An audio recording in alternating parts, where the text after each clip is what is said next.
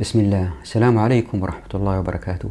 هذه الحلقة 45 من قصة الحق وهي العاشرة لتوضيح فصل دولة الناس. في الحلقة هذه نتكلم عن أموال غير المسلمين. طبعا هؤلاء الذين تؤخذ منهم الجزية زي ما وضحنا في الحلقة الماضية أكيد عندهم أملاك عندهم تجارة عندهم زروع. فما هو حكم هذه الأموال؟ في الحلقة هذه نتحدث عن أموالهم اللي هي للتجارة. كيف تعامل المسلمين معها من حيث أخذ ما يجب عليهم دفعه.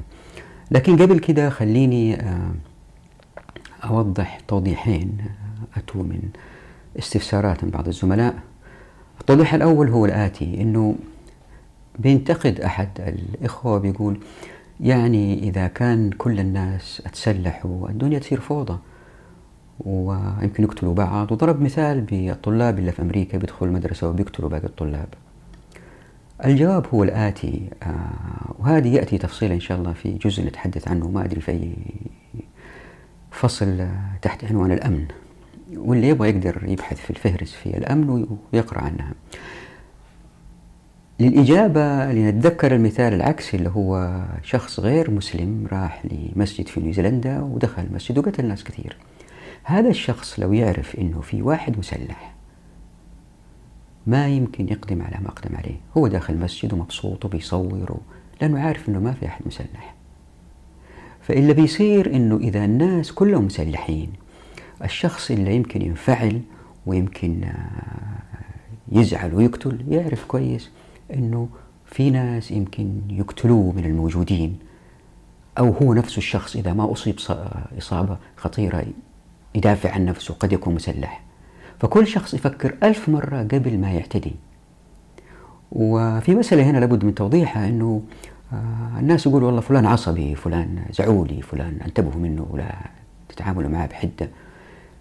هؤلاء الناس بعضهم أنا ما أقول ما في حمقى في حمقى لكن معظمهم يستغلوا طيبة الناس من حولهم. يستغلوا ضعف الناس من حولهم فينفعلوا ويبينوا انفعالهم. مثلا الرجل ينفعل في بيته على زوجته وأولاده وبناته والراجل ينفعل على طلابه في الجامعة. لكن هؤلاء الأشخاص ضعوهم أمام مصارع ضخم مثلا وشرير. وهذاك المصارع لو كان يحقره ولا يستفزه ما يستفز لأنه يعرف أنه راح يأكل دهية علقة. نفس الشيء. هذا الشخص حطه في مجلس مثلا جنب أمام الملك ولا أمام وزير ولا رئيس جمهورية ولا رئيس أركان ولا ما ينفعل. زي الضابط أو الجندي أمام رئيس الكبير ولا الموظف أمام مديره. يعني قد يأكلوا تهزيء أحيانا وتحملوا يسكتوا. لكن أمام أصحابهم أمام أقاربهم لا ينفعلوا. فمسألة الانفعال هذه مربوطة جدا بمسألة التسلط والقوة ومكان الإنسان في ذلك السلم. اللي بيسويه آه إن طبقنا مقصود الحقوق اللي بيصير أنه الناس يتساووا في هذه المسألة. فالإنسان ما يجد فرصة. يمكن واحد آه ينرفز على أولاده وبناته وزوجته هذه ما هي ما هي رجولة هذه. آه أصحابه يتحملوا لكن ما يتجرأ يحمل السلاح.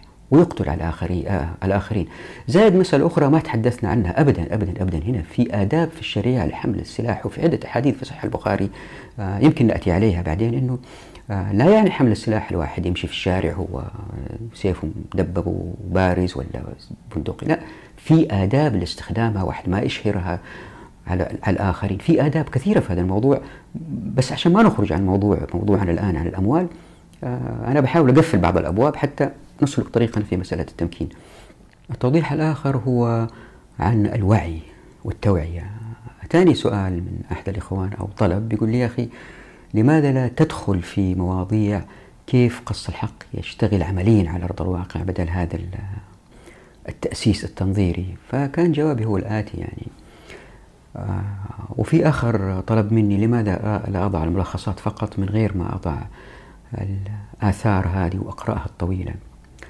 الإجابة هي الآتي أنه أنا أضع النصوص الطويلة هذه لأنه إذا لم أضعها وضعت بس ملخصات بكل بساطة يجي واحد من علماء السلاطين يقول هذا بيتكلم من فوق راسه ما عنده إثباتات ما عنده أدلة ويبدأ يرد وتصير بلبلة وتضيع المسألة. لكن الآن إذا كان يبغى يرد لازم يشوف النصوص هذه ويبحث عن نصوص تضاد هذه النصوص. وفي الحالة هذه قد يجد صعوبة في المسألة. آه ليه؟ لأنه آه هنا تنبيه مهم لأني أنا صحيح بتكلم عن الآراء المختلفة لكن بعدين لما بستنتج بستنتج من السقف الأعلى. يعني ما بآخذ السقف الأدنى. مثلا آه في حلقة اليوم عندما نتحدث عن العشور والأموال تأخذ من من غير المسلمين أنظر لأعلى مال يمكن يأتي لبيت مال المسلمين وأقول شوف هذا أعلى مال يمكن أن يأتي برغم الاختلافات هو قليل جدا. ولا آخذ بالآراء اللي هي تقول شوفوا أهو آه ما في إلا شيء قليل لبيت مال المسلمين من أموال العشور. هذه نقطة أرجو أن تنتبهوا لها ولا عندما أتحدث عن آراء مختلفة مثلا آخذ بآراء ثلاثة أو أقوال ثلاثة فقهاء واحد هو لما أخذ به يعني آخذ برأي الجمهور. هذا النظام اللي ماشي عليه.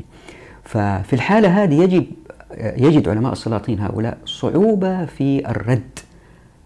إلا إذا كان إلا إذا كنت أنا مخطئ خطأ شديد. وهذا احتمال وارد. هذا احتمال وارد وصححوني. فهذا السبب لا أضع يعني هذا السبب أضع النصوص الطويلة هذه. وإن شاء الله إذا خلصنا كل الفيديوهات يمكن بعدين أسوي ملخصات ترميها في إنستغرام ولا سناب شات ولا هذا ممكن حتى نسحب الناس للمسألة الأساسية. في هذا الإطار في مسألة التوعية أحد الزملاء قال لي ترى في عملة في بلد عربي فجأة سقطت أمام الدولار. هذا هذه لصوصية نعم هي لصوصية من من دول كبرى. فبيقول لي طيب ماذا نفعل حتى ننقذ أنفسنا من هذا البلاء؟ أعطينا يا جميل حلول عملية. نعم الحلول ستأتي إن شاء الله وهي في فصول تبدأ من فصل ابن السبيل. لأنه بعد فصل دولة الناس في ثلاثة فصول هي المكوس والقذف بالغيب والديوان. هذه الفصول أيضا تحاول تبيان أنه الديوان مسألة تسللت إلى الفقه وهذا فصل يأخذ حوالي 300 صفحة تقريبا أقل شوية فصل طويل و... ويمكن شرحه يأخذ حوالي آه 30 حلقة. وبعده يأتي فصل آخر إلى هو آه، القذف بالغيب والمكوس الفصلين دولي كمان يمكن ياخذوا 30 40 حلقة. الفصلين دولي يبينوا كيف الشريعة انحرفت على أيدي الفقهاء المتأخرين وبعض العصور المتوسطة باقتساب باقتباسات. شوفوا هذا إيش قال هذا إيش قال هذا إيش قال وكيف هذا انحرف ده هذه الثلاث الفصول بعيد النظر فيها هي هي موجودة في الكتاب اللي حب يقرأها. أفكر وأنتم يا إخوان في حوالي 300 شخص هم المتابعين باستمرار لقصة الحق. أريد من هؤلاء أنهم يعطوني توجيه يعني نصح. هل أقفزها كفيديوهات هي موجودة في الكتاب موجودة الآن في هل أقفزها وأروح مباشرة للحلول كيف تأتي؟ آه، في فصل ابن السبيل وهي أربع فصول المهمة ابن السبيل والشركة والفصل الوصل والخطط. بعدين تأتي آه، يعني فصول أخرى آه، أقل أهمية لوضعنا الحالي ألا هي الحكم والموافقات. ثم تأتي فصول أخرى لتوضح كيف يمكن تكون الحياة زاهية وباهية وحلوة ومن غير فساد وتلوث وظلم في ظل الشريعة الإسلامية بالفصل بالنظر إلى فصلين واحد اسمه البركة وواحد اسمه المدينة. الآن هل تروا أنه أقفز؟ الثلاث فصول هذه أو أستمر كما أنا؟ وبالتالي قد نفقد بعض المتابعين ليه؟ لأنه يقولوا هذا كلامه كثير لسه ما جاب الحل. لكن إن نذهب للحلول يمكن بعد الحلقة كمان ست سبع حلقات انتهي من هذا الفصل وندخل في ابن السبيل وهو فصل حلو. لكن في الحالة هذه التأصيل يتأثر. فهذه إشكالية أنا واقع فيها؟ هذه علاقتها بالوعي هو الآتي. هؤلاء اللي هم ال 300 أعتقد واللي هم المفروض الكتلة الحرجة واللي تأثر في كتلة حجر أكبر وكتلة حجر حرجة أكبر ثم يأتي التغيير. هؤلاء عليهم الآن إن اقتنعوا بأنه قص الحق على الحق عليهم دور ألا وهو نشر الفكرة قدر المستطاع بين الناس. لأنه إشكاليتنا الآن أنه ناس ما هم عارفين حقوقهم أبدا. أنا تقابلت مع كثير من الأفراد يقولوا يا, يا أخي أنا هذا حقي أنا ما كنت أعرف إنه حقي أحيار ما كنت أعرف إن حقي أخذ آه، من جبل الملح هذا جزء من الملح أبيعه. حتى لو كان حاول الدولة حاولت تمنعني أنا باخذ حقي. وإن قتلت فأنا شهيد هذا حقي. لما تنتشر مثل هذه الأف... الأفكار ستسقط هذه الحكومات. وصدقوني في كثير من المسؤولين طيبين معظمهم طيبين. ما عدا الرؤوس الكبيرة هي الفاسدة تقريبا. آآ آآ وبعضهم مضطرين لهذا الفساد لأنه يظن الوضع العالمي هو كذا وأنه هذا أفضل للمسلمين ضايعين ضالين. فإن انتشرت المعرفة هذه بين الناس والتوعية انتشرت حتى هؤلاء المسؤولين يقتنعوا أنه هذا مصلحة الأمة. هم جزء من الأمة. هم ما هم خارج الأمة. هم جزء من الأمة. إذا تمسك مثلا شخص مسؤول كبير وتقول له يا أخي أنت مسؤول كبير في بلدك بس تطلع الغرب أنت محتقر. صحيح بيقابلك اللي يفتح لك الباب في الفندق بيقابلك الموظف حق الفندق المسؤولين اللي بيودوك على الاجتماع بيبتسموا لك بيقدروك. بس في الأخير تجلس أمام المسؤول الكبير أنت زي زي البس.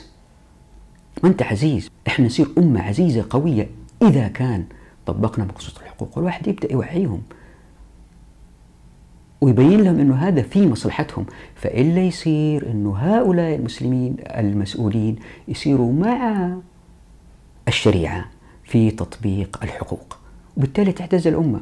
فنحن الآن في مرحلة وعي. فسألني كذا واحد يسألني يقول لي طب ماذا نفعل؟ أقول له إحنا الآن في مرحلة وعي. أول مرحلة الآن هي الوعي.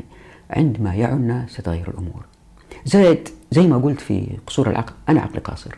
وإحنا 300 يمكن عقولنا قاصرة. عندما ينتشر الوعي سيأتي الحل. لأنه هذا إن شاء الله بإذن الله لله سبحانه وتعالى.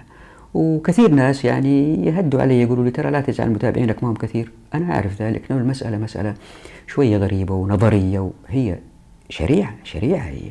لكن الشريعة ما طبقت تبان فعل الناس غريبة. وبالتالي التجاوب معها جدا قليل. فلي رجاء هو أنه تنشر الوعي قدر المستطاع. ووضعت أنا هنا تحت في الشاشة آه، عنوان لموقع في Dropbox حملت فيه كل الفيديوهات آه، فإذا لا سمح الله يفكروا يقفلوا هذه القناة أو في وسيلة أخرى للتواصل بتنزيل الفيديوهات منها الآن نعود لموضوع هذه الحلقة ألا وهو آه، العشور. كان قبل الإسلام آه، معروف ألا وهو أنه التاجر لما يسافر من بلد إلى بلد آخر في الطريق في ناس يقفوا يمثلوا آه، قطاع طرق لقبيلة معينة جهة معينة أو يمثلوا دولة الدولة الرومانية مثلا أو الفارسية يأخذ من هؤلاء التجار ضرائب اللي هي المكوس. فهذا شيء كان معروف قبل الإسلام. عندما أتى الرسول صلى الله عليه وسلم حسب الروايات لم يفرض العشور على على التجار من غير المسلمين. طبعا المسلمين ما يدفعوا عشور هي الزكاة بس. آه هناك قول أنه أول من وضع العشور على غير المسلمين هو عمر بن الخطاب رضي الله عنه للمعاملة بالمثل.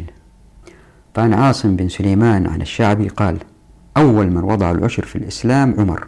وعن مالك بن أنس سألت ابن شهاب الزهري لما أخذ عمر العشر من أهل الذمة؟ فقال كان يؤخذ منهم في الجاهلية فأقرهم عمر على ذلك.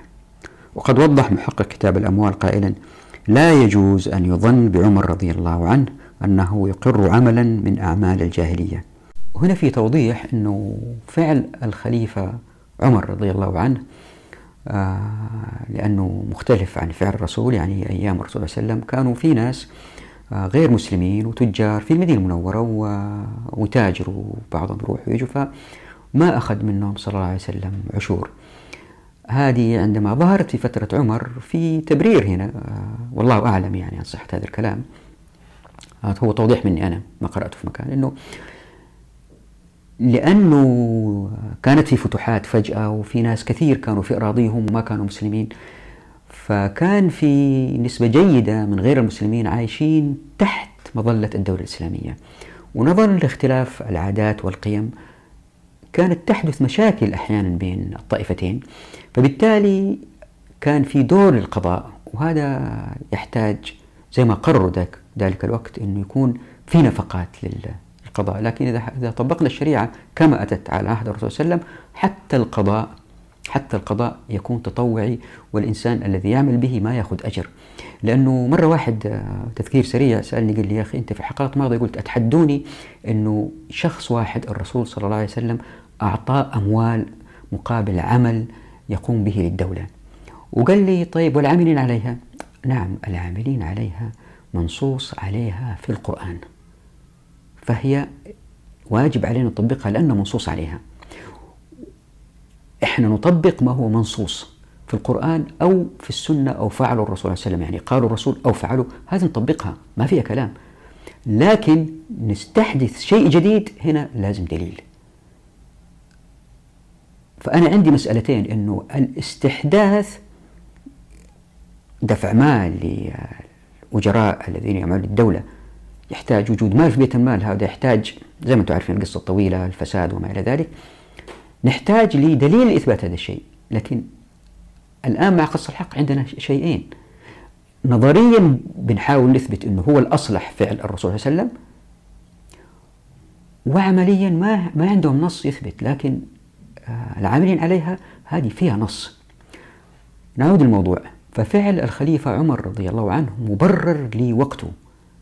وقد يكون لأوقاتنا الآن لا أدري أنه تؤخذ عشور من هؤلاء الذين يأتوا وبالذات أن المسلمين عندما يسافروا إلى بلادهم يدفعوا العشور. وهذا كان من أهم الأسباب التي دفعت عمر رضي الله عنه أنه آه، يأخذ من غير المسلمين العشور في التجارة.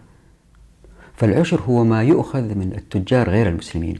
وبرغم الأقوال المختلفة بين الفقهاء إلا أنه معظمها يذهب على أنه الذي يؤخذ من هؤلاء التجار هو ضعف ما يؤخذ من المسلمين. فعن أنس بن سيرين قال بعث إلي أنس بن مالك فأبطأت عليه ثم بعث إلي فأتيته فقال إن كنت لا أرى أني لو أمرتك أن تعض على حجر كذا وكذا ابتغاء مرضاتي لفعلت. اخترت لك عين عملي فكرهته. إني أكتب لك سنة عمر. قلت اكتب لي سنة عمر. فكتب يؤخذ من المسلمين من كل أربعين درهما درهم ومن أهل الذمة من كل عشرين درهما درهم وممن لا ذمة له من كل عشرة دراهم درهم. قلت له ومن لا ذمة له؟ يعني من هم؟ قال الروم كانوا يقدرون الشام. وهناك في أثر عن زياد بن حدير قال أمرني عمر أن آخذ من تجار أهل الذمة مثل ما آخذ من تجار المسلمين. وهناك في أحاديث أخرى وضعتها تحت الحرف غين اثنين ومن جهة أخرى أيضا كان في اختلاف بين الفقهاء حول نصاب آه، المال أو التجارة اللي عند التجار إلا إذا بلغت النصاب لازم التاجر يدفع العشر. فأبو عبيد بعد ذكر أحاديث العشور آه، يسرد الآتي. فإذا مر الذمي بالمال على العاشر فإن سفيان كان يقول لا يؤخذ منه شيئا حتى يبلغ ماء الدرهم. فإذا بلغ ماء الدرهم أخذ منه نصف العشر. نصف العشر يعني خمسة في المية. وقال غيره من أهل العراق لا يؤخذ منه شيء حتى يبلغ مائتي درهم. أما مالك أهل الحجاز فذهبوا على أنه يؤخذ منه حتى إن لم يبلغ المائتين وسبب الخلاف هو أن أهل العراق شبهوا ما يؤخذ بالصدقة. أما مالك أهل الحجاز فقد اعتبروه بمنزلة الجزية التي تؤخذ منهم. وفي توضيحات إضافية هنا وضعتها تحت الهمزة ثلاثة وبا ثلاثة. وقد رجح أبو عبيد قول سفيان الذي أخذ بالقياس على ما يؤخذ من المسلمين بجعل فرع المال على حساب أصله ولأنه أشبه بفعل الخليفة عمر رضي الله عنه.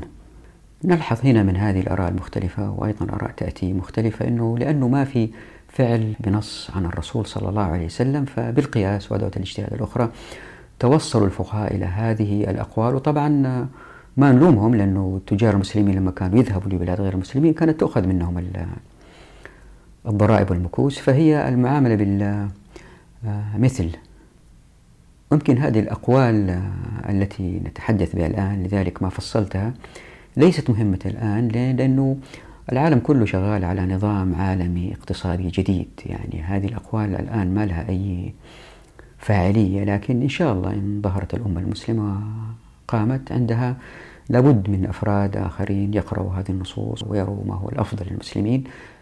مسألة أخرى اختلفوا فيها الفقهاء هي ما هي الأشياء التي تؤخذ منها العشور؟ فأهل العراق قالوا الأشياء التي هي لا تستهلك مثل الصامت والرقيق والأعيان اللي هي أثاث ملابس هذه هذه الأشياء هي التي تؤخذ من العشور بينما الفواكه الأشياء التي تستهلك يمكن تخرب لا تؤخذ من العشور. الحجاز قالوا لا تؤخذ العشور من كل الأشياء.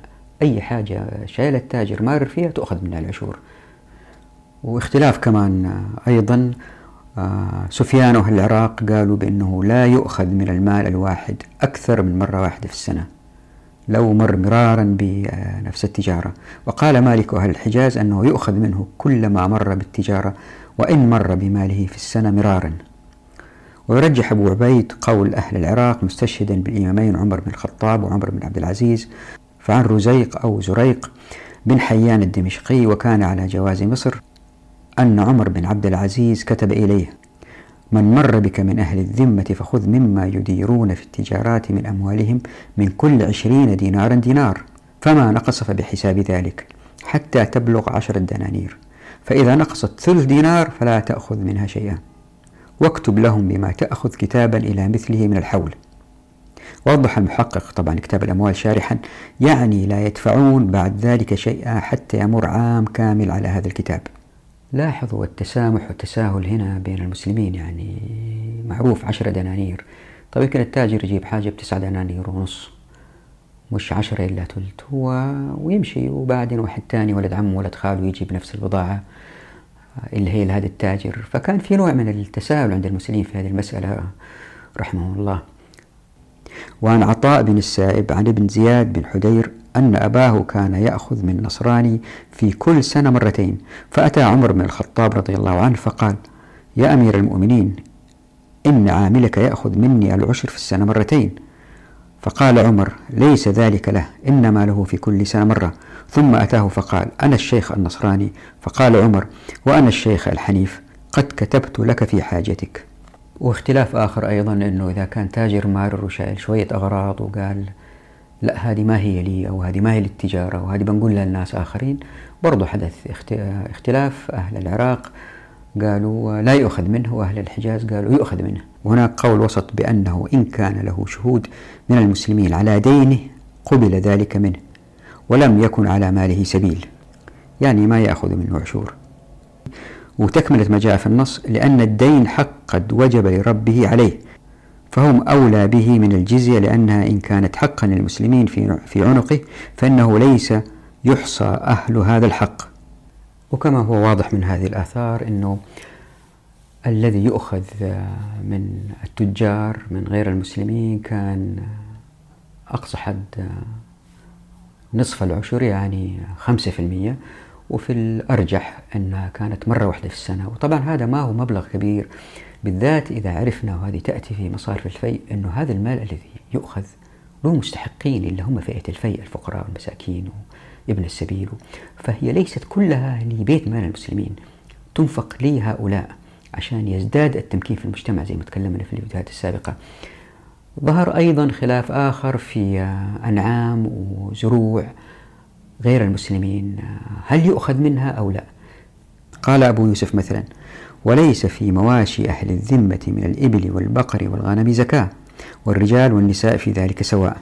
قال أبو يوسف حدثنا سفيان عن عبد الله بن طاووس عن أبيه عن عبد الله بن عباس قال ليس في أموال أهل الذمة إلا العفو. هذا كلام مهم يعني ما يؤخذ من أموال أهل الذمة شيء إلا الجزية. قال أبو يوسف وليس في شيء من أموالهم الرجال منهم والنساء زكاة إلا ما اختلفوا به في تجارتهم فإن عليهم نصف العشر. وتوضيح هنا بسيط وضعته تحت الحرف. واو ثلاثة وقد يكون معنى الاختلاف بالتجارة كما وضحه محمد خيل هراس هو التجارة التي يسافر بها التجار ولعل المعنى أيضا هو الاختلاف بين البائع والمشتري في السعر ثم الاتفاق. وبهذا في التعريف يشمل كل شيء يباع.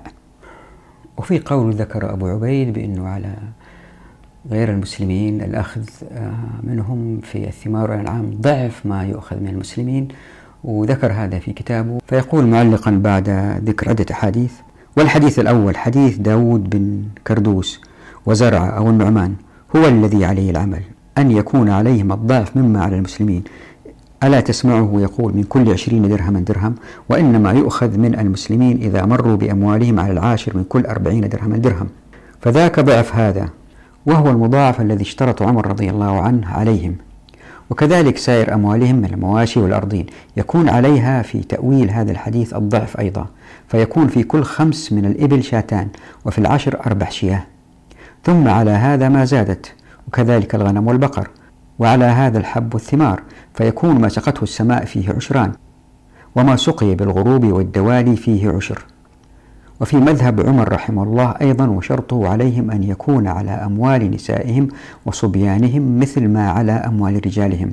كذلك يقول أهل الحجاز إلا أن مذهب جمهور أهل العلم في الثمار أنه لا يؤخذ العشر من ثمار الذمي إلا أبا حنيفة لم ير ذلك. ففي المجموع لا يجب العشر عندنا في ثمار الذمي والمكاتب وزرعهما وأوجبه أبو حنيفة في زرع الذمي وثمره لعموم الحديث فيما سقت السماء العشر ولا أنه حق يجب لمنفعة الأرض فاستوى المسلم والكافر فيه كالخراج. واحتج أصحابنا أن العشر زكاة للحديث السابق في الكرم يعني العنب يخرس كما يخرس النخل ثم تؤدى زكاته زبيبا. كما تؤدى زكاة النخل تمرة وإذا كان زكاة فلا يجب على الذمي كسائر الزكوات. أو يقال حق يصرف إلى أهل الزكوات فلم يجب على الذمي كسائر الزكوات. وأما الحديث فمخصوص بما ذكرناه وأما القياس المذكور فليس كما قالوه بل حق العشر متعلق بالزرع على سبيل الطهر المزكي.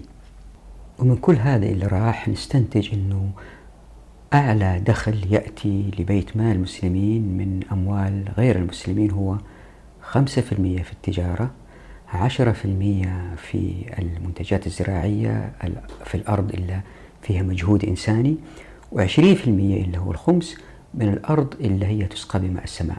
الآن خلينا نسوي حسبة بسيطة. إذا قلنا أنه مثلا ناخذ أعلى شيء اللي هو عشرين في المية هذه العشرين في المية من ما يسقى بماء السماء هو ليس من قيمة كل شيء هو فقط من المحصول. يعني واحد عنده مزرعة عنده مباني عليها عنده عمال عنده آه، يقطف في مصاريف. الآن في أي مشروع زراعي أو أي مشروع إذا الواحد يكسب خمس رأس ماله في السنة هذا استثمار كبير وممتاز جدا. خلينا نقول خلينا نقول إنه الاستثمار هذا جدا مجدي وإنه يؤخذ منه 20% الخمس. الخمس هذا الذي يؤخذ من مما بيع هو يعني خمس الخمس من رأس المال. خمس الخمس من رأس المال يعني أربعة في المية من رأس المال. وأربعة في المية هذه مبلغ زهيد جدا يعني أقل من الخمس اللي هو لعروض التجارة.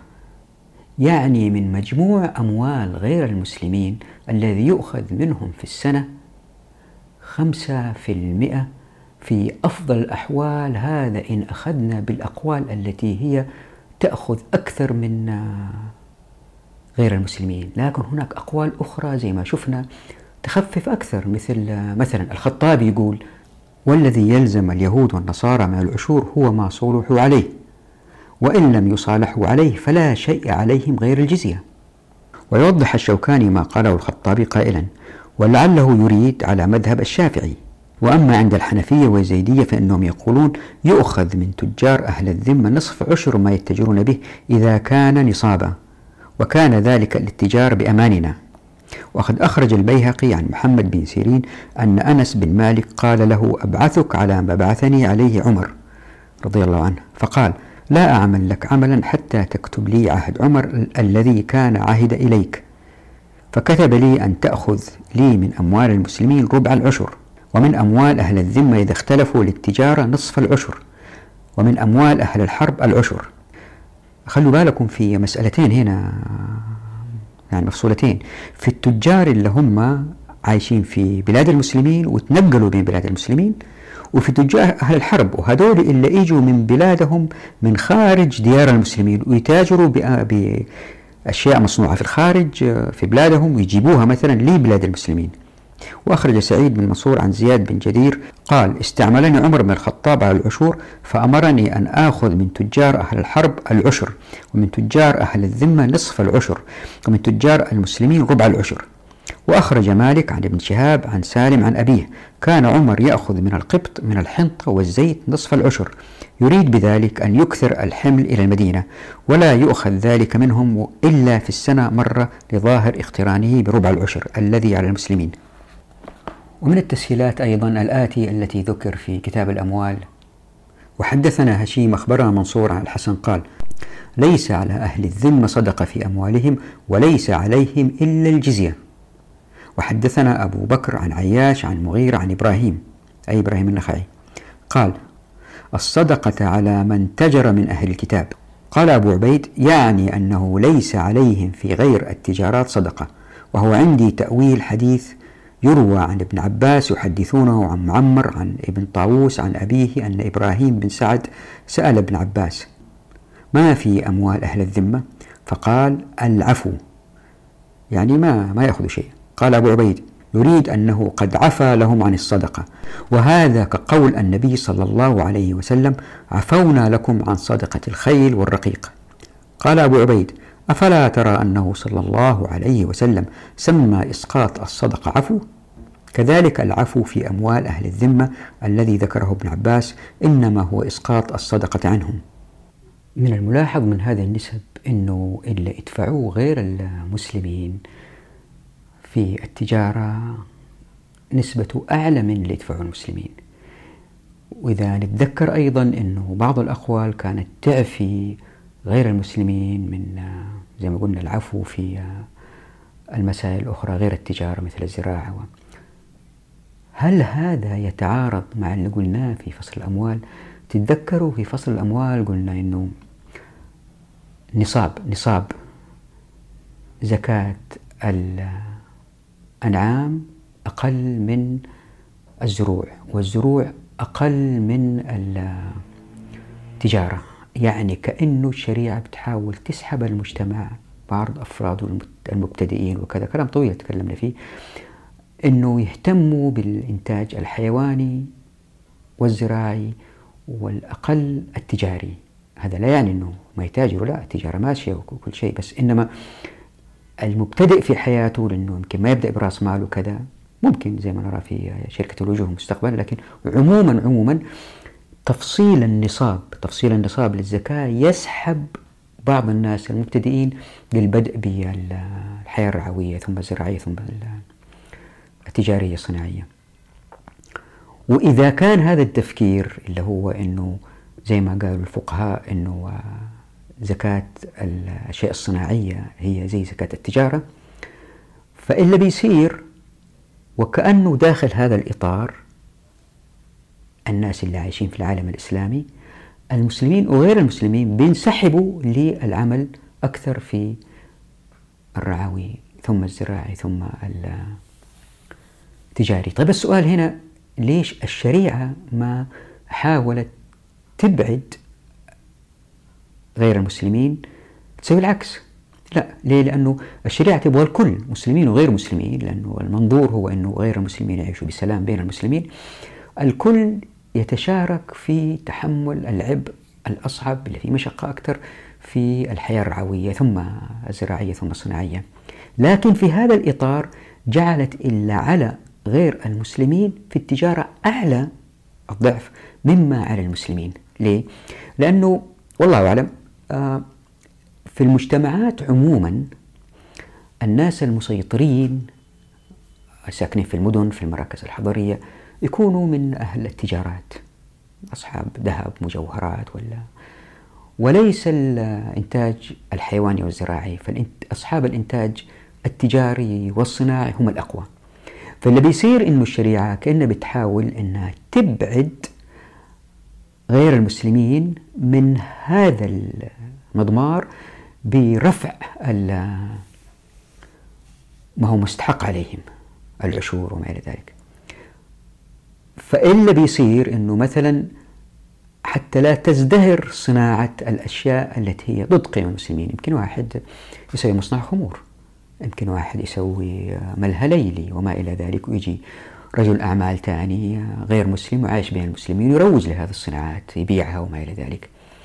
فالحياة بالنسبة لهم نوعا ما في هذا الجانب ليست مسهلة وميسرة مثل ما هي على المسلمين. وهذه حكمة والله أعلم أعتقد أنها مسألة تحتاج إلى بحث مستفيض من أحد طلاب العلم بحث ماجستير أو دكتوراه كيف الشريعة وزعت يمكن يكون موجود أنا ما أدري.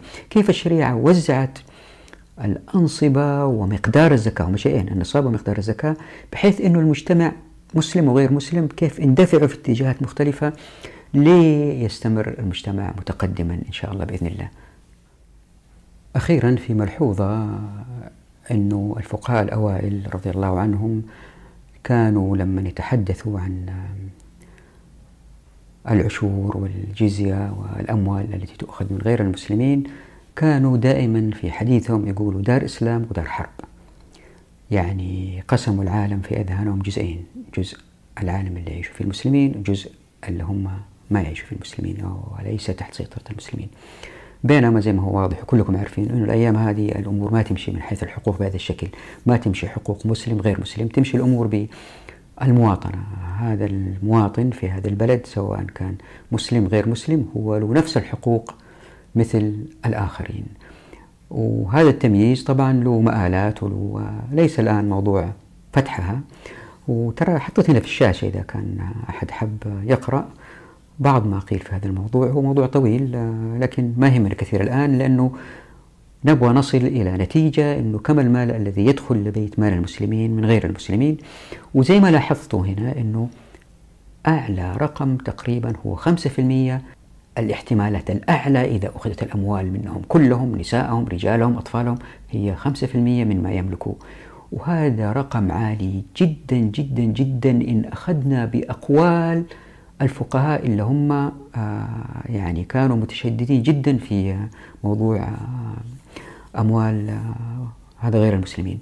وهذا الرقم 5% برغم أنه مرتفع لأنه إحنا افترضنا الرقم المرتفع هو في حد ذاته جدا قليل إذا قارناه بالمكوس التي كانت تؤخذ من الشعوب من من الأنظمة اللي قبل الإسلام الروم والفرس ومن الأنظمة التي أتت بعدها وبالأيام هذه أي إنسان بيدفع أكثر بكثير من هذا حتى في الدول الإسلامية آه، والنفطية أحيانا اللي عندها كل الأموال. فالإستاج هو أنه وزي ما راح تشوفوا في مصارف مصارف الفي أنه قليل جدا يأتي لبيت مال المسلمين بالذات إذا كان أخذ المستحقين في آية الفيء حقوقهم. بقيت مسألة واحدة كانت إشكالية لذلك أعطيتها وقت أطول وهي تبين الإشكالية التي وقعوا فيها الفقهاء لأنهم خرجوا عن النص. فإيش يصير إذا واحد غير مسلم وعنده أرض بدفع خراج وأسلم؟ هل يدفع خراج ولا زكاة ولا الاثنين مع بعض؟ وهذا مطب مطب. لذلك يجب أن تأخذ حلقة لأنها هي معيار جيد على قصور العقل البشري الذي تحدثنا عنه في فيديوهات سابقة. نقف هنا نراكم على خير وفي أمان الله.